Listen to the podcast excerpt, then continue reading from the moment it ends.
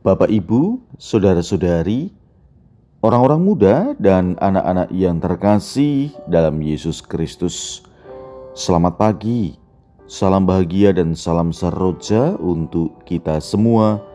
Berkah dalam bersama dengan saya, Romo Antonius Garbito Pamboaji, menyampaikan salam dan berkat Allah yang Maha Kuasa dalam nama Bapa dan Putra dan Roh Kudus. Amin.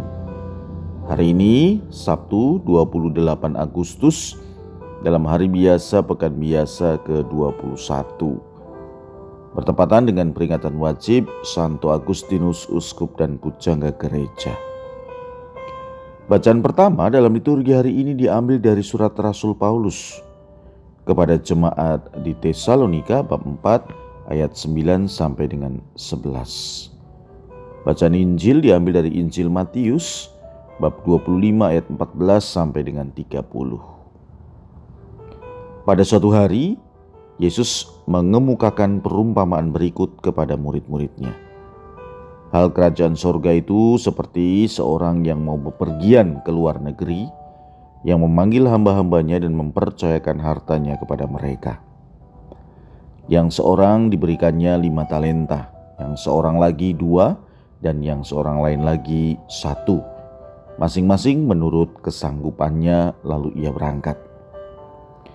Segera pergilah hamba yang menerima lima talenta itu, ia menjalankan uang itu dan memperoleh laba lima talenta. Hamba yang menerima dua talenta pun berbuat demikian dan mendapat laba dua talenta. Tetapi Hamba yang menerima satu talenta itu pergi dan menggali lubang di tanah lalu menyembunyikan uang tuannya. Lama kemudian pulanglah tuan hamba-hamba itu lalu mengadakan perhitungan dengan mereka. Hamba yang menerima lima talenta datang dan membawa laba lima talenta. Ia berkata, Tuan, lima talenta Tuan percayakan kepadaku. Lihat aku telah memperoleh laba lima talenta. Maka kata tuannya kepadanya, Baik sekali perbuatanmu itu hamba yang baik dan setia. Engkau telah setia dalam perkara kecil, aku akan memberikan kepadamu tanggung jawab dalam perkara yang besar. Masuklah dan turutlah dalam kebahagiaan Tuhan. Lalu datanglah hamba yang menerima dua talenta, katanya, Tuan, dua talenta Tuhan percayakan kepadaku. Lihat, aku telah mendapat laba dua talenta. Maka kata Tuhan itu kepadanya, baik sekali perbuatanmu, hamba yang baik dan setia.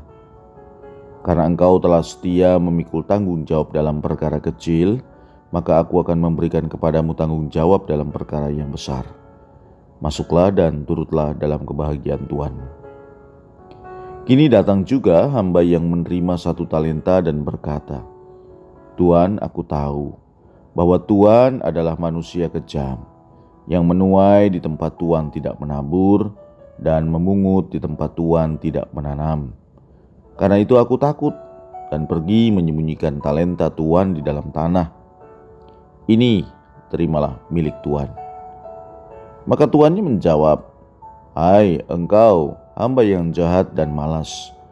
Engkau tahu bahwa aku menuai di tempat aku tidak menabur dan memungut di tempat aku tidak menanam. Seharusnya uangku itu kau berikan kepada orang yang menjalankan uang, supaya sekembaliku aku menerima uang itu serta dengan buahnya, bunganya. Sebab itu, ambillah talenta itu daripadanya, dan berikanlah kepada orang yang mempunyai sepuluh talenta itu. Karena setiap orang yang mempunyai akan diberi sampai ia berkelimpahan. Tetapi siapa yang tidak punya, apa pun yang ada padanya akan diambil. Dan buanglah hamba yang tidak berguna itu ke dalam kegelapan yang paling gelap. Di sanalah akan ada ratap dan kertak gigi. Demikianlah sabda Tuhan. Terpujilah Kristus.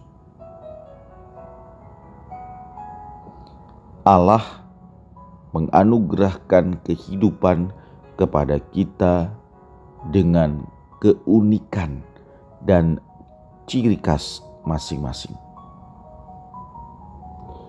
Dalam keunikan itu, setiap orang diberi kesempatan mengembangkan apa yang ada padanya dan menghasilkan buah. Sabda Tuhan hari ini mengajak kita untuk merenungkan empat kata: menyadari, bersyukur, mengembangkan, dan menghasilkan buah.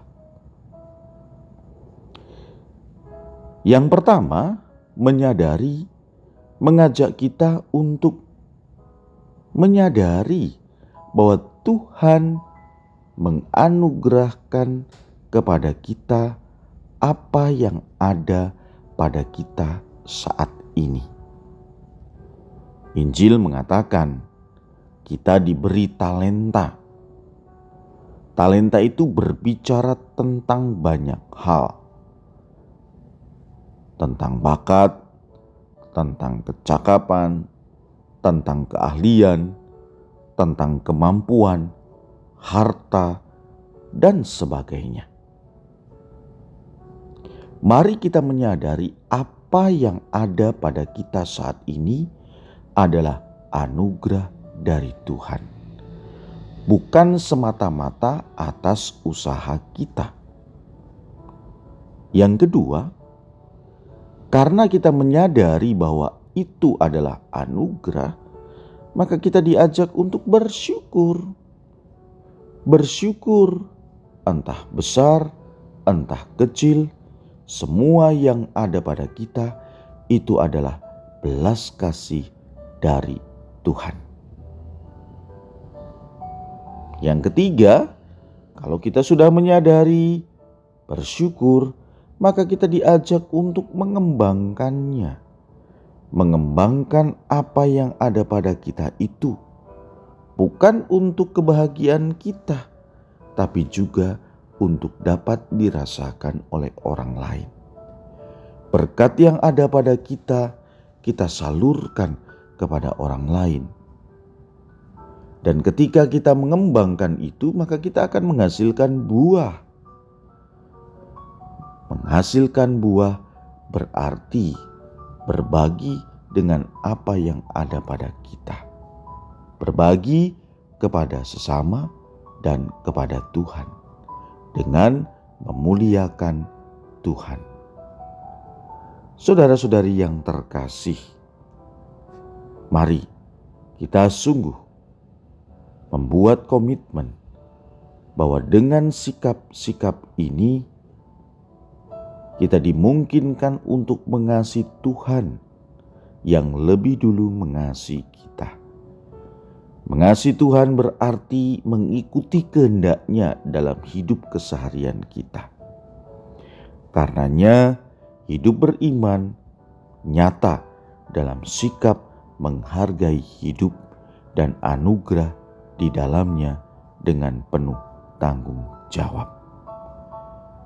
Marilah kita berdoa. Allah yang Maha Murah, berilah kami kebijaksanaan dan kejujuran dalam memilah dan melakukan mana yang baik dan tidak baik. Berkat Allah yang Maha Kuasa, dalam nama Bapa dan Putra dan Roh Kudus. Amin.